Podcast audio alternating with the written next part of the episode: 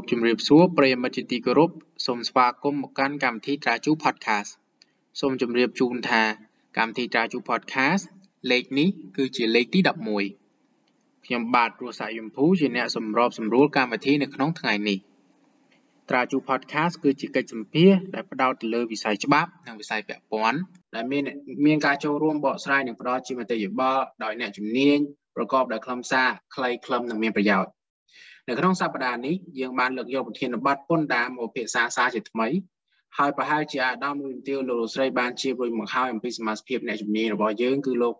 កាយវិញគឿមលោកជាអ្នកស្រាវជ្រាវជាន់ខ្ពស់សាលាត្រាជូលោកក៏ជាគ្រូបង្រៀននីតិថាវិការនិងពន្ធដារនៅសាកលវិទ្យាល័យភូមិន្ទនីតិសាស្ត្រនិងវិទ្យាសាស្ត្រសេដ្ឋកិច្ចព្រមទាំងបណ្ដាសាកលវិទ្យាល័យឯកជនមួយចំនួននៅក្នុងរាជធានីភ្នំពេញ ដែលសប្តាហ៍នេះលោកនឹងចូលរួមបកស្រាយអំពីប្រធានបទការអនុវត្តអកលើតម្លៃបន្ថែមហៅកាត់ថាវត្តចំពោះពាណិជ្ជកម្មតាមប្រព័ន្ធអេឡិចត្រូនិកនៅកម្ពុជាអាស្រ័យហេតុនេះសូមប្រិយមិត្តជាទីគោរពតាមដានស្ដាប់នៅប្រធានបទខាងលើដូចតទៅបាទសូមអនុញ្ញាតជម្រាបសួរ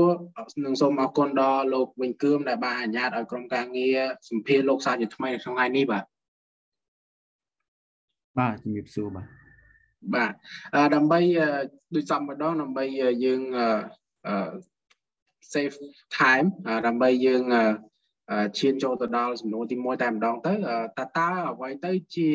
ពាណិជ្ជកម្មតាមប្រព័ន្ធអេឡិចត្រូនិកលោកហើយហេតុអ្វីបានជាពាណិជ្ជកម្មតាមប្រព័ន្ធអេឡិចត្រូនិកត្រូវជាប់អកលើតម្លៃបន្ថែម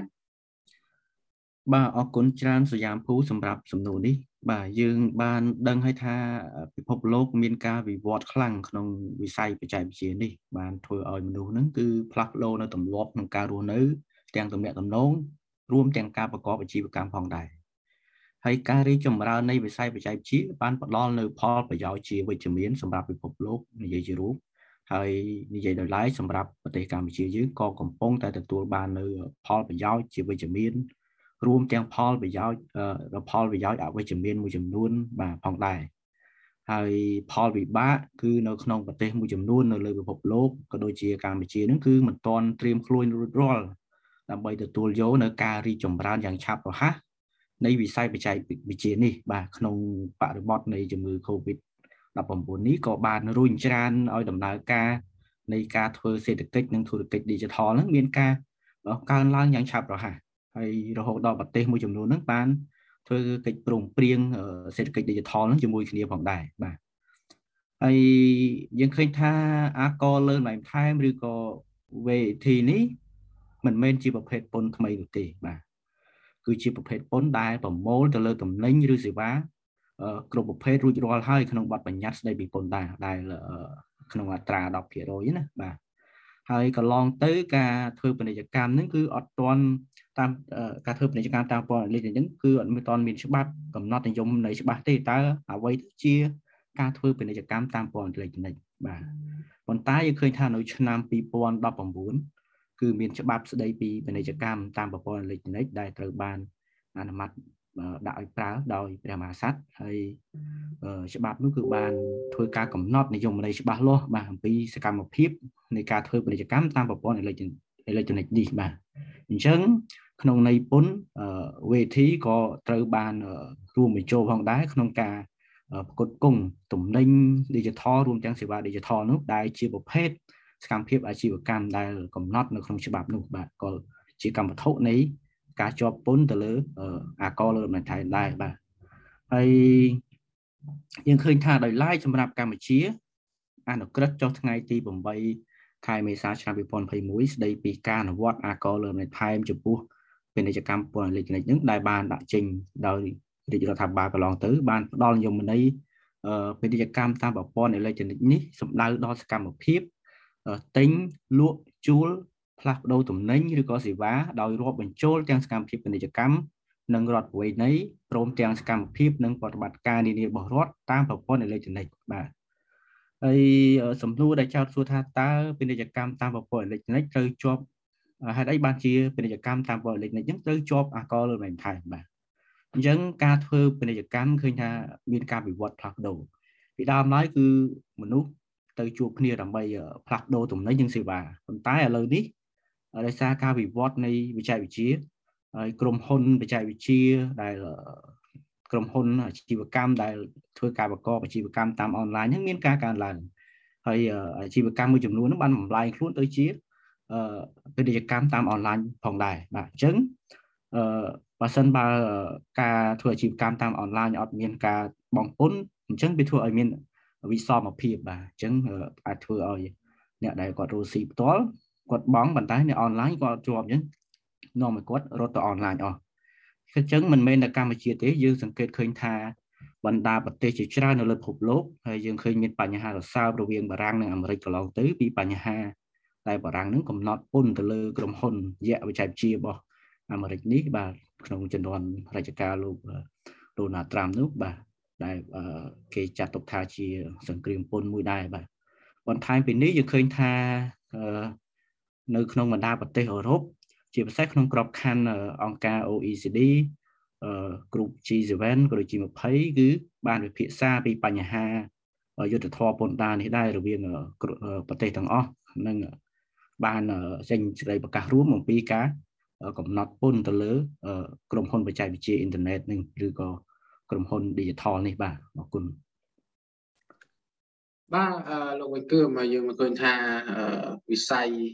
ពាណិជ្ជកម្មតាមប្រ ព័ន្ធអេឡិចត្រូនិកមិនថាកម្ពុជាមិនថាគ្រប់លោកទាំងមូលទេឃើញមានការរីកចម្រើនក្នុងន័យនេះចូលដល់សំណួរទី2របស់យើងគឺថាតើបទបញ្ញត្តិដែលបានដាក់ចេញដោយរដ្ឋាភិបាលកន្លងមកហ្នឹងពាក់ព័ន្ធជាមួយនឹងការអនុវត្តលើតម្លៃបន្ថែមឬក៏វត្តចំពោះពាណិជ្ជកម្មតាមប្រព័ន្ធអេឡិចត្រូនិកមានគោលបំណងហើយនឹងវិសាលភាពដូចម្ដេចខ្លះដែរបាទអរគុណយើងឃើញថាយោងតាមអនុក្រឹត្យ ដែលចេញដោយរាជរដ្ឋាភិបាលលេខ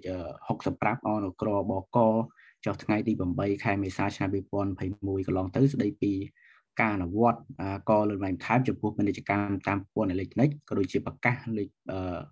542របស់ក្រសួងសេដ្ឋកិច្ចហិរញ្ញវត្ថុបានកំណត់អំពីវិធីនិងនីតិវិធីនៃការអនុវត្តអាកលើតម្លៃបន្ថែមចំពោះប្រតិបត្តិការពាណិជ្ជកម្មតាមប្រព័ន្ធអេឡិចត្រូនិកផងដែរ ហើយបទបញ្ញត្តិទាំងអស់នោះគឺមានគោលបំណងក្នុងការកំណត់ពីវិធាននិងនីតិវិធីនៃការអនុវត្តនិងការគ្រប់គ្រងការប្រមូលអាករលើតម្លៃបន្ថែមទៅលើការប្រគំទំនិញ Digital ក៏ដូចជាសេវា Digital ដែលធ្វើប្រតិបត្តិការពាណិជ្ជកម្មតាមប្រព័ន្ធអេឡិចត្រូនិកដោយអ្នកជាប់ពន្ធអនិវេសនាជនដែលមិនមានគ្រឹះស្ថានអចិន្ត្រៃយ៍នៅព្រះរាជាណាចក្រកម្ពុជា ដោយឡែកសម្រាប់វិសាលភាពនៃការអនុវត្តចំពោះការគ្រប់គ្រងទំនិញ Digital ឬក៏សេវា Digital តាមប្រព័ន្ធអេឡិចត្រូនិកឬរាល់សកម្មភាពពាណិជ្ជកម្មតាមប្រព័ន្ធអេឡិចដែលធ្វើឡើងដោយអ្នកប្រគងអនិវេសនជននៅក្រៅព្រះរាជាណាចក្រកម្ពុជាមកក្នុងព្រះរាជាណាចក្រកម្ពុជានិងអ្នកជាប់ពន្ធអនិវេសនជនដែលទទួលការគ្រប់គ្រងទំនិញឬក៏សេវា Digital លើឬរាល់សកម្មភាពពាណិជ្ជកម្មតាមប្រព័ន្ធអេឡិចពីអ្នកជាប់ពន្ធអនិវេសនជនហ្នឹងគឺ គាត់ត្រូវមានកាតព្វកិច្ចបាទយកធ្វើការប្រមូលនិងបងប្រាក់ពន្ធជូនរដ្ឋបាលសារសារពើពន្ធបាទបាទអរគុណណាស់លោកវិញគឺសម្រាប់ការបកស្រាយអឺយើងនឹង move ទៅយើងនឹងចាប់ផ្ដើមចូលទៅដល់សំណួរទី3តែម្ដងថាតើបុគ្គលឬក៏អាជីវកម្មណាខ្លះដែល មានកាតព្វកិច្ចត្រូវបង់អាករលើតម្លៃបន្ថែមលើ